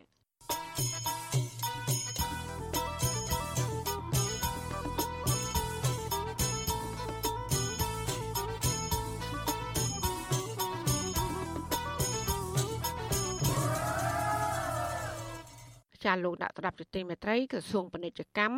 ដែលធ្លាប់ស្ថិតក្រោមការគ្រប់គ្រងរបស់លោកចំប្រសិទ្ធរយៈពេល4អាណត្តិដែលល្បីរឿងអាស្រូវគ្រួសារនិយមនិងពុករលួយនោះនៅពេលនេះកូនស្រីរបស់លោកគឺអ្នកស្រីចំនិមលបានឡើងកាន់តំណែងជារដ្ឋមន្ត្រីក្រសួងខ្លាញ់មួយនេះវិញម្ដងតើអ្នកត្រីចំនិមលនឹងខ្លាចជារដ្ឋមន្ត្រី ជួយបង្កើនមុខរបរទីផ្សារនិងប្រាក់ចំណូល សម្រាប់បរដ្ឋឬក៏ជួយបង្កើនតែឱកាសរកស៊ីនិងបង្កើនប្រាក់ចំណូលសម្រាប់ក្រុមគ្រួសារនិងបពុះរបស់ខ្លួនចាសសូមស្ដាប់សេចក្តីរាយការណ៍ពិស្ដាររបស់លោកថាថៃដូចតទៅសមាជិកគណៈរដ្ឋមន្ត្រីក្នុងអាណត្តិទី7ដែលដឹកនាំដោយលោកហ៊ុនម៉ាណែតមានតែស្ត្រីវ័យក្មេងម្នាក់គត់ដែលមានសំណាង បានបារមីរបស់ឪពុកខ្លាចជារដ្ឋមន្ត្រីថ្មីនៃក្រសួងពាណិជ្ជកម្មនោះគឺអ្នកស្រីចំនិមល ដែលត្រូវជាកូនស្រីបង្កើតរបស់លោកចំប្រសិទ្ធនិងអ្នកស្រីទេពឧផាប្រសិទ្ធដែលមានឥទ្ធិពលខ្លាំងបំផុតទាំងនយោបាយនិងសេដ្ឋកិច្ចហើយមានទំនាក់ទំនងផ្ទាល់ជាមួយលោកហ៊ុនសែននិងភរិយារបស់លោកអ្នកស្រីចំនិមលមានអាយុ43ឆ្នាំអ្នកស្រីកើតនៅថ្ងៃទី18ខែឧសភាឆ្នាំ1980អ្នកស្រីបានរៀបការកាលពីឆ្នាំ2002ជាមួយឧត្តមសេនីយ៍ឯកផ្កាយ3ឈ្មោះផាតវិបុលសុភ័ក្រ ជាអគ្គនាយករងនៃនាយកដ្ឋាននយោបាយនិងកិច្ចការបរទេសនិងជាអគ្គនាយកនៃនាយកដ្ឋានទំនាក់ទំនងអន្តរជាតិក្រសួងការពារជាតិប្តីរបស់អ្នកស្រីគឺជាកូនប្រុសរបស់នាយឧត្តមសេនីយ៍នាងផាតរដ្ឋលេខាធិការប្រចាំការនៃក្រសួងការពារជាតិចំណងអាពាហ៍ពិពាហ៍របស់អ្នកទាំងពីរបង្កើតបានកូនស្រីចំនួន3នាក់ចំពោះប្រវត្តិសិក្សាវិញមិនមានប្រភពបញ្ជាក់ថាអ្នកស្រីរៀនសាលាណានិងកម្រិតណានោះទេក៏ប៉ុន្តែសារព័ត៌មានក្នុងស្រុកចុះផ្សាយថាអ្នកស្រី បានសិក្សានៅសហរដ្ឋអាមេរិកផ្នែកសេដ្ឋកិច្ចអន្តរជាតិនិងវិទ្យាសាស្ត្រសង្គមវិទ្យុអាស៊ីសេរីបានព្យាយាមតាក់ទងអ្នកស្រីជាច្រើនលើកប៉ុន្តែពុំមានអ្នកទទួលទូរស័ព្ទទោះជាយ៉ាងណានៅលើបណ្ដាញសង្គម Facebook និង Instagram របស់អ្នកស្រីក្រៅពីបង្ហាញសកម្មភាពចុះឃោសនានយោបាយនិងសកម្មភាពការងារតំណាងឲ្យក្រសួងពាណិជ្ជកម្មនោះអ្នកស្រីក៏ចូលចិត្តបង្ហាញពីជីវភាពហៃសូដែរដូចជារូបភាពជួបជុំគ្រួសារក្នុងភូមិគ្រឹះដ៏ប្រណិតចូលហាងទំនើបទំនើប ការដើរកំសាន្តនៅក្រៅប្រទេសការចូលចិត្តបង្ហាញឈុតសម្លៀកបំពាក់និងកាបូបដៃម៉ាក់ល្បីៗព្រមទាំងគ្រឿងអលង្ការប្លែកៗកាលពីថ្ងៃទី12ខែសីហាថ្មីថ្មីនេះអ្នកស្រីក៏បានក្លាយជាស្ត្រីទី1នៅលើទំព័រទស្សនាវដ្តីបរទេសឈ្មោះ Pristic ដែលជាប្រព័ន្ធផ្សព្វផ្សាយផ្ដោតទៅលើអ្នកដែលមានឥទ្ធិពលមេដឹកនាំក្រុមហ៊ុនធំធំ និងអភិជនក្នុងសង្គមអាស៊ីក្រៅពីនេះនៅលើទំព័រ Facebook អ្នកស្រីចំនិមលតែងផ្សារភ្ជាប់ឥទ្ធិពលនយោបាយជាមួយកូនកូនរបស់លោកហ៊ុនសែនដែរដោយអ្នកស្រីបានចែកចាយបន្តស្ទើរតែទាំងអស់នៅអ្វីដែលលោកហ៊ុនម៉ាណែតនិងលោកហ៊ុនម៉ាណីបង្ហោះនៅលើបណ្ដាញសង្គមរបស់ពួកលោកមិនតែប៉ុណ្ណោះបើទោះបីជាអ្នកស្រីបានរៀនសូត្រនៅប្រទេសប្រជាធិបតេយ្យក្តីក៏អ្នកស្រីគ្មានអល់ឯកក្នុងការចេញសារគាំទ្រទង្វើរំលាយគណៈបកសង្គ្រោះជាតិនិងការកាត់ទោសមេដឹកនាំគណៈបកជំទាស់ទាំងបំពេញច្បាប់ឡើយចំពោះកិច្ចការនយោបាយវិញ អ្នកស្រីចំនិមលទើបតែចូលឈ្មោះជាបេក្ខជនតំណាងរាស្ត្រលេខរៀងទី5របស់គណៈបកប្រជាជនកម្ពុជានៅមណ្ឌលខេត្តកំពតដែលឪពុករបស់អ្នកស្រីបានជួយត្រួសត្រាយផ្លូវរួចជាស្រេចព្រោះលោកចោមប្រសិទ្ធជាថ្នាក់ដឹកនាំចុះពង្រឹងសកម្មភាពនយោបាយនៅខេត្តកំពតនិងខេត្តកែបអ្នកស្រីក៏ជាសមាជិកក្រុមប្រឹក្សាភិបាលនៃមូលនិធិម៉ានីនិងជាសមាជិកគណៈអចិន្ត្រៃយ៍គណៈកម្មាធិការកណ្ដាលរបស់សហភាពសហព័ន្ធយុវជនកម្ពុជាដែលដឹកនាំដោយកូនប្រុសលោកហ៊ុនសែនគឺលោកហ៊ុនម៉ាណីដែរ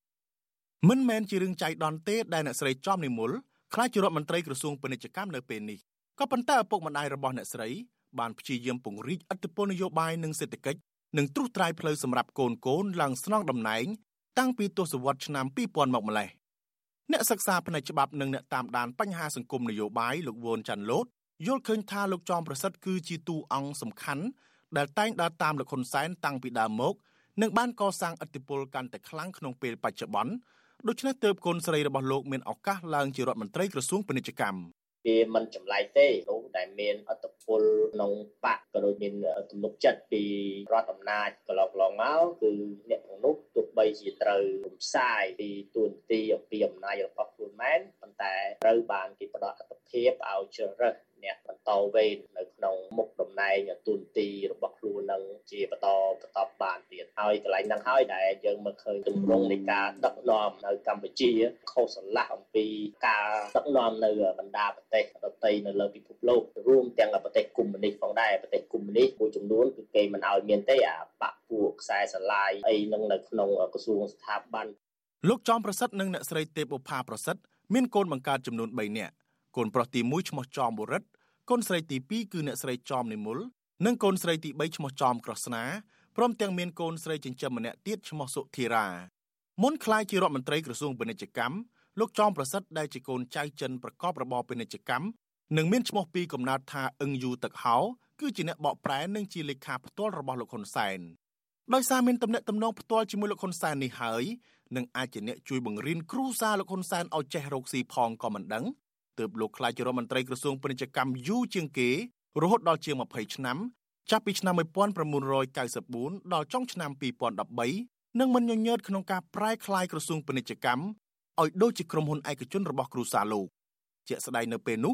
ប្រពន្ធរបស់លោកគឺអ្នកស្រីទេពបុផាប្រសិទ្ធគឺជានាយករដ្ឋបាលក្រសួងពាណិជ្ជកម្មគណៈកូនប្រុសច្បង គឺលោកចំបុរិទ្ធជាអគ្គនាយករងកម្មគ្រប់គ្រងនៃក្រសួងពាណិជ្ជកម្មដែលចោះត្រួតពិនិត្យទំនិញនាំចូលនិងនាំចេញរីឯកូនស្រីទី2អ្នកស្រីចំនិមលកាលពីទសវត្សរ៍ឆ្នាំ2000ជាអនុប្រធាននាយកដ្ឋានបរទេសនៃក្រសួងពាណិជ្ជកម្មនិងក្រោយមកក្លាយជាប្រធានគណៈកាល័យរបស់ឪពុកនាងក្នុងក្រសួងពាណិជ្ជកម្មក្រៅពីនេះលោកចောင်းប្រសិទ្ធក៏មិនភ្លេចបើកផ្លូវឲ្យប្រពន្ធនិងកូនកូនរបស់លោកផ្សេងទៀតជាអ្នកឈរឈ្មោះរកស៊ីជំនួសវិញដែរ ប្រពន្ធរបស់លោកត្រូវបានគេស្គាល់ថាជាអ្នកជំនួញនៅពីក្រោយក្រុមហ៊ុននិងគម្រោងវិនិយោគធំធំមួយចំនួនកាលពីឆ្នាំ2003អង្គការឃ្លាំមើលពិភពលោក Global Witness បានរកឃើញថាអ្នកស្រីទេពអូផាប្រសិទ្ធមានភាគហ៊ុន1លានដុល្លារនៅក្នុងក្រុមហ៊ុន Edwood ដែលជាក្រុមហ៊ុននាំទំនិញចេញចូលតំណាងរាជបកប្រឆាំងការនោះក៏បានទាមទារឲ្យមានការស៊ើបអង្កេតទ្រព្យសម្បត្តិរបស់លោកចောင်းប្រសិទ្ធដែរប៉ុន្តែគ្មានស្ថាប័នជំនាញណាហ៊ានប៉ះឡើយមិនតែប៉ុណ្ណោះ ប្រហែលជាទ្រព្យសម្បត្តិគ្រួសារលោកចောင်းប្រសិទ្ធឡើងដល់កម្រិតកំពូលមួយទើបលោកនិងប្រពន្ធរបស់លោកទទួលបានក្រមងារជាអុកញ៉ាដូចគ្នាកាន់តែពិសេសជាងនេះលោកចောင်းប្រសិទ្ធមិនត្រឹមតែប្រមូលកូនកូនរបស់លោកមួយចំនួនឲ្យមកកាន់ទូនាទីសំខាន់សំខាន់នៅក្នុងក្រសួងពាណិជ្ជកម្មប៉ុណ្ណោះទេលោកក៏រៀបចំទុកដាក់កូនចៅរបស់លោកជាមួយក្រុមគ្រួសារអ្នកជំនួញនិងគ្រួសារអ្នកគ្រប់គ្រងអំណាចយោធានិងនយោបាយដែរជាឧទាហរណ៍កូនប្រុសច្បងគឺលោកចំវរិទ្ធ រៀបការជាមួយអ្នកស្រីលីដាលីនដែលជាពាណិជ្ជករនិងជាម្ចាស់ក្រុមហ៊ុន Chom and Lee Corporation ដែលបានទិញសិទ្ធិអាជីវកម្មហាងនំប៉័ង Pritalk នៅប្រទេសសិង្ហបុរីមកប្រគល់ទីផ្សារកម្ពុជាព្រមទាំងជាម្ចាស់ក្រុមហ៊ុនអចលនទ្រព្យ Dalin Property Development កូនស្រីទី2អ្នកស្រីចំនិមលរៀបការជាមួយឧត្តមសេនីយ៍ឯកផ្កាយ3ឈ្មោះផាតវិបុលសុភ័ក្រដែលជាកូនប្រុសនៃគ្រួសារគ្រប់គ្រងអំណាចខាងកងទ័ពកូនស្រីទី3គឺអ្នកស្រីចំក្រស្នា គឺជាម្ចាស់ក្រុមហ៊ុនសោមាពាណិជ្ជកម្មដែលមានបុតសម្ព័ន្ធជាច្រើន តាំងពីវិស័យសំណង់កសិកម្មបច្ចេកវិទ្យាពាណិជ្ជកម្មអប់រំបដិសន្តារកិច្ចអភិវឌ្ឍអចលនវត្ថុធម្មពលទឹកស្អាតនិងការនាំចេញនាំចូលជាដើមប្តីរបស់អ្នកស្រីគឺលោកសុកសូកេនដែលទៅក្លាយជារដ្ឋមន្ត្រីថ្មីនៃក្រសួងទេសចរលោកសុកសូកេនគឺជាកូនប្រុសរបស់លោកសុកអានដែលជាគ្រូសាស្ត្រធំមួយមានអំណាចទាំងនយោបាយនិងសេដ្ឋកិច្ចដូច្នេះ លោកចောင်းប្រសិទ្ធមិនត្រឹមតែមានកូនបង្កើតជារដ្ឋមន្ត្រីក្រសួងពាណិជ្ជកម្មទេលោកក៏មានកូនប្រសាម្នាក់ទៀតជារដ្ឋមន្ត្រីក្រសួងទេសចរដែរគណៈកូនប្រុសបង្កើតម្នាក់ទៀតគឺលោកចំបុរិទ្ធទើបតែងតាំងជារដ្ឋលេខាធិការក្រសួងឧស្សាហកម្មវិទ្យាសាស្ត្របច្ចេកវិទ្យានិងនវានុវត្តន៍នេះបង្ហាញថាអំណាចគ្រួសារលោកចំប្រសិទ្ធកាន់តែកើនឡើងដល់លំដាប់កំពូលមួយមិនខុសពីកូនកូនរបស់លោកហ៊ុនសែននិងមន្ត្រីកំពូលកំពូលបកកណ្ដាលអំណាចផ្សេងទៀតនោះទេ អ្នកស្រីចំនិមលដែលត្រូវបានដំឡើងទូនាទីជារដ្ឋមន្ត្រីក្រសួងពាណិជ្ជកម្មនៅពេលនេះដោយសារអធិបុលឪពុកម្ដាយនៅចុងឆ្នាំ2013នៅពេលលោកចောင်းប្រសិទ្ធបដូរទៅធ្វើជារដ្ឋមន្ត្រីក្រសួងឧស្សាហកម្មរ៉ែនិងធម្មពលនិងក្រោយមកបំបីជាក្រសួងឧស្សាហកម្មវិទ្យាសាស្ត្របច្ចេកវិទ្យានិងនវានុវត្តន៍នោះលោកបានសណ្ដោងកូនប្រុសគឺលោកចំបរិទ្ធទៅធ្វើជាអនុរដ្ឋលេខាធិការក្នុងក្រសួងថ្មីជាមួយលោកក៏ប៉ុន្តែលោកនៅតែទុកអ្នកស្រីចំនិមលឲ្យនៅចាំសម្បុកក្នុងក្រសួងពាណិជ្ជកម្មដដែល អ្នកស្រីចំនិមលឡើងជាអនុរដ្ឋលេខាធិការក្រសួងពាណិជ្ជកម្មនៅឆ្នាំ2013ហើយ5ឆ្នាំក្រោយមកអ្នកស្រីឡើងជារដ្ឋលេខាធិការរហូតក្លាយជារដ្ឋមន្ត្រីក្រសួងពាណិជ្ជកម្មនៅពេលនេះអ្នកនាំពាក្យគណៈបកប្រជាជនកម្ពុជាលោកសុកអេសានថ្លែងការពីជាទូទៅថាការតែងតាំងអ្នកស្រីចំនិមលជារដ្ឋមន្ត្រីក្រសួងពាណិជ្ជកម្មនេះគឺស្របទៅតាមលក្ខណៈសម្បត្តិស្នាដៃនិងគុណសម្បត្តិលើសគេក៏ប៉ុន្តែលោកមិនបញ្ជាក់លម្អិតនោះទេពួក ដែលអ្នកវិភាគថាបន្តពូនបន្តវេននោះគឺថាក្រមវិជាការវាយប្រហារដោយគ្មានមូលដ្ឋានទេគេមិនដែលពូជពូជទេវតាមិនដែលយកពូជនរកមកទេពូជទេវតាតែតែយកកូនចៅទេវតាយកមកបន្តវេនណាទោះជាយ៉ាងណាសកម្មជនចលនាមេដាធម្មជាតិនិងជាអ្នកតាមដានបញ្ហាសង្គមនយោបាយកញ្ញាមានលីសាមិនចោទសួរចំពោះសមត្ថភាពរបស់អ្នកស្រីចំនិមលទេក៏ប៉ុន្តែកញ្ញាយល់ថាការតែងតាំងបែបគ្រូសានិយមនិងគ្មានការប្រកួតប្រជែងត្រឹមត្រូវ គឺបង្ហាញពីការគិតគូរផលប្រយោជន៍គ្រួសារច្រើនជាងផលប្រយោជន៍រួម។ប្រជាពលរដ្ឋមួយចំនួនមិនតែដឹងផងថាលោកចောင်းប្រសិទ្ធហ្នឹងគឺធ្វើទៅលើអាជីវកម្មក៏ដូចជាក្រុមហ៊ុនអីខ្លះអញ្ចឹងអាប្រភពចំណូលដែលអត់ច្បាស់លាស់កន្លែងទៅនេះ វាបានបង្ហាញឲ្យឃើញពីអាភាពអត់ប្រក្រតីអំពើពុករលួយជាច្រើនក្រុមហ៊ុនខ្យល់ជាច្រើនដែលយើងអត់ស្គាល់ប្រភពច្បាស់លាស់បើយើងនិយាយថាតើ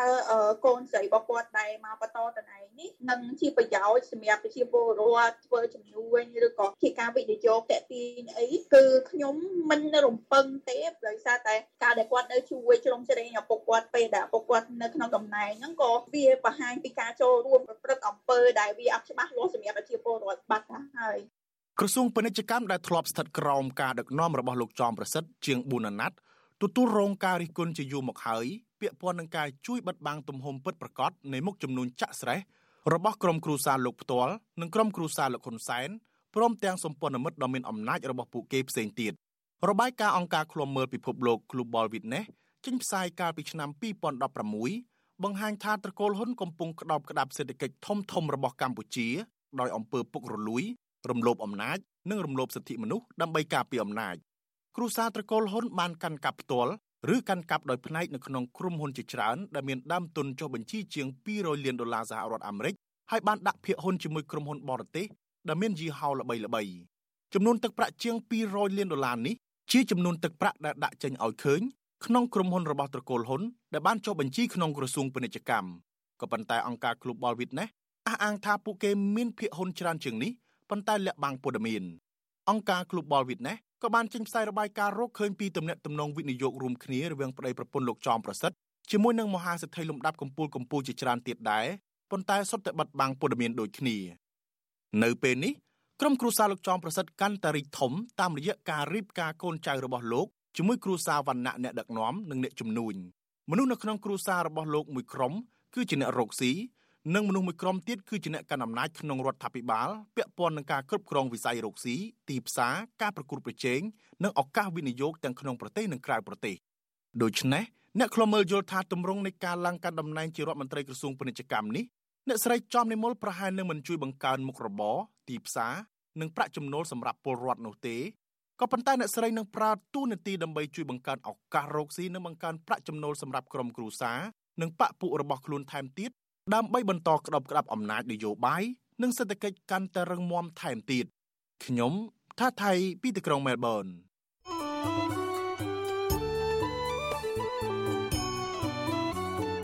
ាលោកដានៀងជាទីមេត្រីក្នុងឱកាសនេះដែរនាងខ្ញុំសូមថ្លែងអំណរគុណដល់លោកដានៀងកញ្ញាទាំងអស់ដែលតែងតែមានភក្ដីភាពចំពោះការផ្សាយរបស់យើងហើយចាត់ទុកការស្ដាប់វិទ្យុអសីសេរី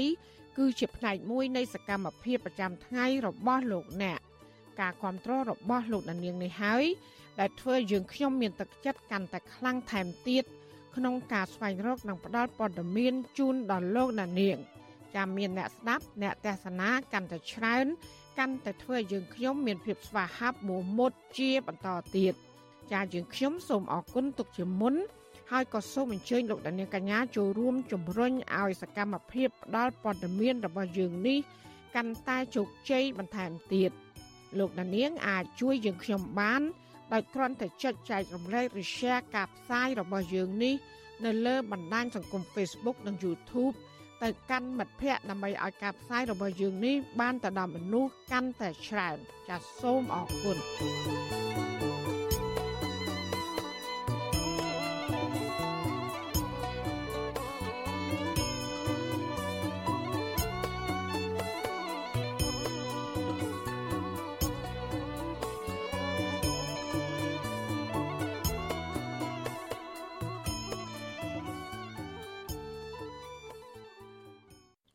ចាលោកអ្នកត្រាប់ជាទីមេត្រីពីខេត្តត្បូងឃ្មុំមកដល់វិញប្រជាប្រដ្ឋជាច្រើនគូសាររស់នៅស្រុកមេមត់នៅតែអាស្រ័យផលនឹងដាំដុះលើដីចំការដែលជាគេឪពុកម្ដាយរបស់ពួកគាត់ ដែលបានបាត់បង់ទៅវៀតណាមក្រោយពីបោះបង្គោលព្រំដែន ចាប់ពួកគាត់អះអាងថាអាញាធរខ្មែរនិងវៀតណាម បានពន្លឿនការបោះបង្គោលព្រំដែននៅតំបន់នោះ ដោយលាក់លៀមក្នុងពេលដែលកម្ពុជា កំពុងរាលដាលនៃជំងឺ Covid-19 និងមានវិបត្តិនយោបាយចា៎នេះគឺជាសកម្មភាពពុស្ដារបស់លោកសេកបណ្ឌិតជំវិញព័ត៌មាននេះក្នុងរយៈពេលជាង3ឆ្នាំចុងក្រោយនេះចាប់ពីឆ្នាំ2020ក្នុងពេលដែលពលរដ្ឋកម្ពុជា កំពុងខ្វល់ខ្វាយអំពីការផ្ទុះឡើង រីករាលដាលនៃជំងឺ Covid-19 បែជារដ្ឋាភិបាលកម្ពុជាវៀតណាមពន្លឿនបោះបង្គោលព្រំដែនដោយស្ងាត់ស្ងាត់និងលាក់បាំងស្ថិតនៅក្នុងខេត្តត្បូងឃ្មុំពលរដ្ឋអះអាងថាតំបន់ដែលអាជ្ញាធរកម្ពុជា និងវៀតណាមបោះបង្គោលព្រំដែនគឺស្ថិតនៅក្នុងឃុំទុនលូងឃុំជាំក្រវៀនឃុំជាំឃុំច័ន្ទមូល និងឃុំដានៃស្រុកមេមត់ក្នុងចន្លោះបង្គោលព្រំដែនលេខ95រហូតដល់បង្គោលលេខ98 ពលរដ្ឋភៀកច្រើនមិនបានដឹងអំពីរឿងរ៉ាវនេះទេហើយនៅគ្រាដែលពួកគាត់ប្រទះឃើញបង្គោលព្រំដែនបោះចំកណ្ដាលដីស្រែគេដូនតារបស់ពួកគាត់ទើបផ្អើលឆោឡោអ្នកខ្លះស្រែកយំ និងអ្នកខ្លះទៀតនៅស្ងៀមបៀមទុកកង្វល់មិនហ៊ានតវ៉ាដោយខ្លាចអាជ្ញាធរធ្វើបាប និងប្តឹងទៅតុលាការអ្នកភូមិថាក្នុងចន្លោះបង្គោលព្រំដែនលេខ95ស្ថិតនៅក្នុងភូមិជើងឃុំជាំស្រុកមេមត់ ក្រោយពីបោះបង្គោលព្រំដែនរួចរាល់អាជ្ញាធរវៀតណាមបានពន្លឿនសាងសង់ផ្លូវក្រវ៉ាត់ព្រំដែនគ្រប់កន្លែងធ្វើឲ្យដីស្រែចម្ការរបស់ពួកគាត់រាប់រយហិកតា បានបាត់បង់ទៅវៀតណាមជាអ្នកកាន់កាប់ពលរដ្ឋរស់នៅក្នុងឃុំមេមត់ថ្លែងសុំមិនបញ្ចេញឈ្មោះប្រាប់បទសុអាស៊ីស្រីថាពេលនេះ មានពលរដ្ឋជាច្រើនគ្រួសាររស់នៅភូមិនេះនៅតែក្លាហាន ទៅប្រមូលផលចំការដោយបេះផ្លែដូងផ្លែស្វាយទុរេន លើដីរបស់ខ្លួន ដែលវៀតណាមកំពុងកាន់កាប់នាពេលបច្ចុប្បន្នលោកបញ្ជាក់ថាពលរដ្ឋទាំងនោះមិនសុខចិត្តចំពោះការបោះបង្គោលព្រំដែនមិនត្រឹមត្រូវ និងលាក់បាំងបែបនេះឡើយ។ ក្រោយពីធ្វើផ្លូវកវ៉ាត់ហ្នឹងជាការស្វ័យពលរដ្ឋមួយចំនួន វានៅខាងត្បូងផ្លូវមាននៅខាងវៀតណាមណាប៉ុន្តែពលរដ្ឋខ្មែរយើងខ្ញុំសរសើរនៅភូមិជើងហ្នឹងគាត់អត់ព្រមគាត់នៅតែធ្វើរាល់ថ្ងៃហ្នឹងហើយខ្ញុំជឿខ្ញុំជឿថាទៅមុខនឹងមានបញ្ហាទៀតរវាងដីអស់ហ្នឹងភូមិអំផលនិងក្រអូបក្នុងឃុំច័ន្ទមូល ដែលមានពលរដ្ឋខ្មែររាប់ពាន់គ្រួសាររស់នៅ តាំងពីបុរាណកាលមក បានបាត់បង់ទៅខាងប្រទេសវៀតណាមជាអ្នកកាន់កាប់ទាំងស្រុងហើយ។ ភូមិទាំងនេះ មានផ្ទះខ្មែរបុរាណនិងលំនៅឋានចាស់ចាស់របស់ដូនតាខ្មែររាប់រយខ្នងហើយអាជ្ញាធរវៀតណាម បានបិទសិទ្ធិពួកគាត់មិនឲ្យរៀនអក្សរខ្មែរបន្ទាប់ពីរដ្ឋាភិបាលកម្ពុជា បានចុះហត្ថលេខាប្រើប្រាស់សន្ធិសញ្ញាកំណត់ព្រំដែនរដ្ឋឆ្នាំ1985ពលរដ្ឋខ្មែរនៅក្នុងភូមិទាំងនេះនៅតែលួចបញ្ជូនកូនឲ្យមករៀនភាសាខ្មែរនៅក្នុងទឹកដីខ្មែរ នៅគៀកតំបន់ព្រំដែនខេត្តត្បូងឃ្មុំភូមិទាំងនេះបើទោះបីជាវៀតណាមកាន់កាប់ប្តីក៏ពួកគាត់អាចឆ្លងដែនមកទឹកដីខ្មែរបានធម្មតាក៏ប៉ុន្តែក្រោយពីបោះបង្គោលព្រំដែនរួចរាល់និងសង់ផ្លូវក្រវ៉ាត់ព្រំដែនហើយនោះអាញាធរវៀតណាមមិនអនុញ្ញាតឲ្យពួកគាត់ចេញចូលមកស្រុកខ្មែរដោយសេរីដូចមុនទៀតឡើយអ្នកភូមិបន្ថែមទៀតថាក្រោយពីអាញាធរកម្ពុជានិងវៀតណាមបោះបង្គោលព្រំដែនរួចរាល់ក្នុងស្រុកមេមត់ និងស្រុកពជាក្រែកខេត្តត្បូងឃ្មុំពួកគាត់តែងតែលើកគ្នាតវ៉ាមកប្តឹងទៅអាជ្ញាធរខ្មែរឲ្យជួយដោះស្រាយរឿងដីស្រែចម្ការរបស់ពួកគាត់តែគ្មានបានផលអ្វីឡើយដែនដីភូមិអំផលលាតសន្ធឹងទល់នឹងវត្តស្រែតានងហើយអាជ្ញាធរខ្មែរនិងវៀតណាមបានឯកភាពគ្នាបោះបង្គោលព្រំដែននិងសង់ផ្លូវក្រវ៉ាត់ព្រំដែននៅជាប់នឹងរបងវត្តនេះលើសពីនេះទៀតបន្ទាប់ពីបោះបង្គោលព្រំដែនរួច អាញាធរវៀតណាម បានក្តាប់យ៉ាងណែននិងសាងសង់ផ្លូវក្រវ៉ាត់ព្រំដែនគ្រប់ច្រកល្ហកសូម្បីតែប៉ុស្តិ៍ព្រំដែនខ្មែរមួយចំនួនក៏ត្រូវបានវៀតណាមកាន់កាប់ដែរនិយាយរួមថារឿងបោះបកគលព្រំដែននេះពិបាកណាស់ពលរដ្ឋភ័យច្រើនគឺมันបានដឹងมันបានឮទេតើលើថាស្អែកឡើងខ្សាប់ឲ្យឃើញបកគលចំហើយនាំគ្នាស្រែកយំទៅពលរដ្ឋខ្មែរម្នាក់ទៀតរស់នៅភូមិច័ន្ទមូល លោកឈិនឆនមានប្រសាសន៍ថាគ្រួសារលោក មានដីស្រែសរុបជាង7ហិកតាក៏ប៉ុន្តែនៅពេលដែលអាជ្ញាធរបោះបង្គោលព្រំដែននិងធ្វើផ្លូវក្រវ៉ាត់ព្រំដែនរួចរាល់គឺនៅសល់តែ1ហិកតាប៉ុណ្ណោះដោយ6ហិកតាទៀត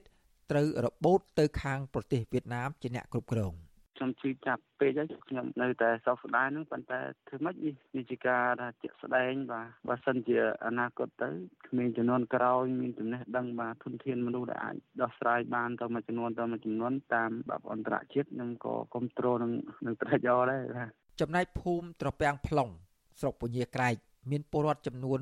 106គ្រួសារមានទំនាស់ដីធ្លីជាច្រើនឆ្នាំមកហើយគឺក្រោយពីដែលរដ្ឋាភិបាលកម្ពុជានិងវៀតណាម បានបោះបង្គោលព្រំដែនលេខ114ដល់លេខ119រួចរាល់ធ្វើឲ្យពួកគាត់បាត់បង់ដីស្រែចម្ការ គេដូនតា ទំហំជាង60ហិកតា អ្នកភូមិអះអាងថា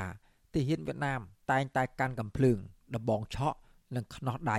ឆ្លងដែនចូលមកបណ្ដេញនិងឬខ្ទមចំការរបស់ពួកគាត់ចោលដោយអះអាងថាជាដីតំបន់ព្រំដែនយុវជនដែលតែងតែចុះពិនិត្យមើលតំបន់ព្រំដែន លោកសឿនមករាស្នើឲ្យរដ្ឋាភិបាលថ្មី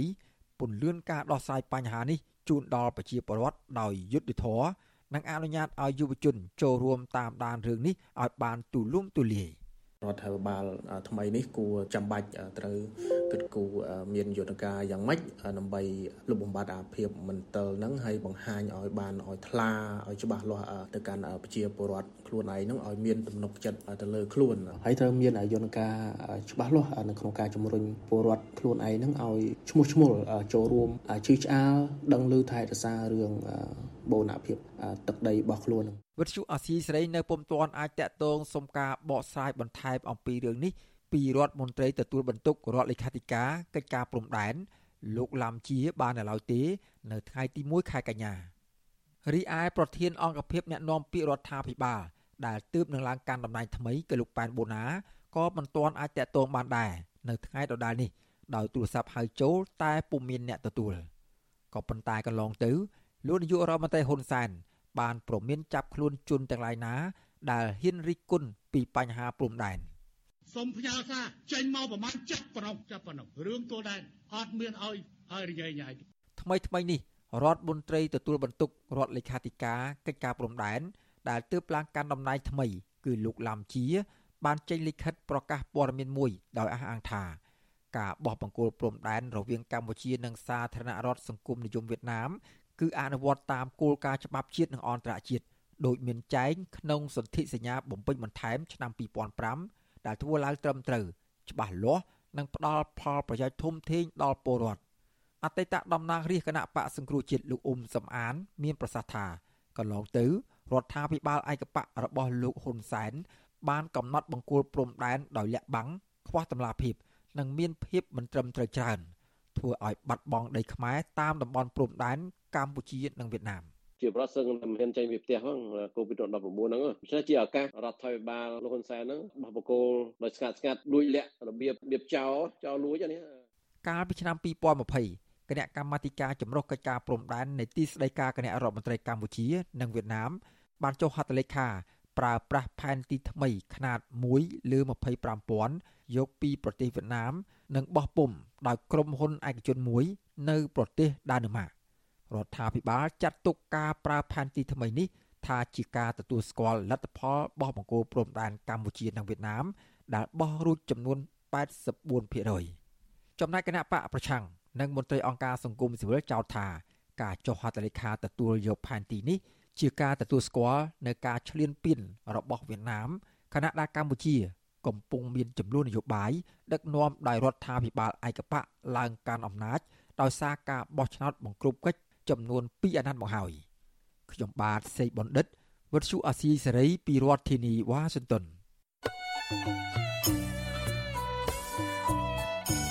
ចាលោកនាងជាទីមេត្រីវុទ្ធុអាស៊ីសេរីសូមជូនដំណឹងថាយើងគ្មានអ្នកយកព័ត៌មានប្រចាំនៅប្រទេសកម្ពុជានោះឡើយបើសិនជាមានជនណាម្នាក់អះអាងថាជាអ្នកយកព័ត៌មានឲ្យវិទ្យុអសីស្រីនៅកម្ពុជានោះ គឺជាការក្លែងបន្លំយកឈ្មោះរបស់វិទ្យុអសីស្រី ក្នុងគោលបំណងទុច្ចរិតរបស់បុគ្គលនោះចាសសូមអរគុណ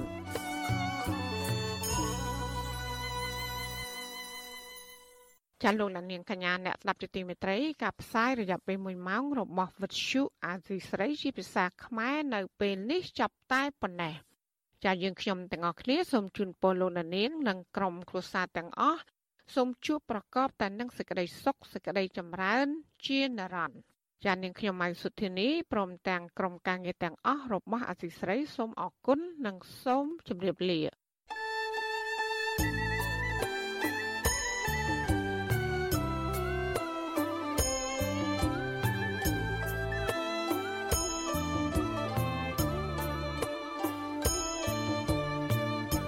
វិទ្យុអាស៊ីសេរីផ្សាយតាមរលក ធាតុអាកាសខ្លីតាមកម្រិត និងកម្ពស់ដូចតទៅនេះ។ពេលព្រឹកចាប់ពីម៉ោង5កន្លះដល់ម៉ោង6កន្លះតាមរយៈប៉ុស SW 12.14 MHz ស្មើនឹងកម្ពស់ 25m និងប៉ុស SW 13.71 MHz ស្មើនឹងកម្ពស់ 22m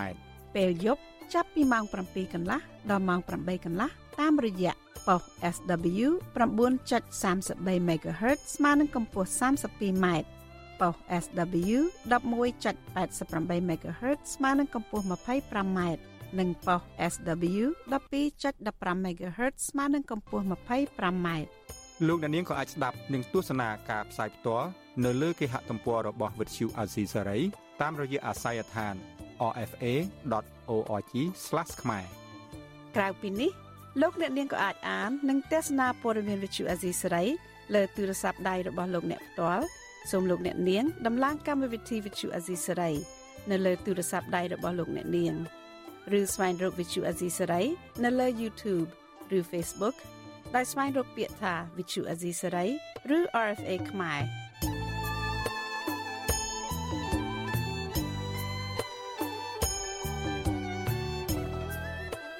សូមលោកអ្នកនាងចុច like follow និងចុច subscribe ដើម្បីទទួលបានព័ត៌មានថ្មីៗទាន់ហេតុការណ៍ និងទស្សនាវីដេអូផ្សេងៗទៀតបានគ្រប់ពេលវេលា thank you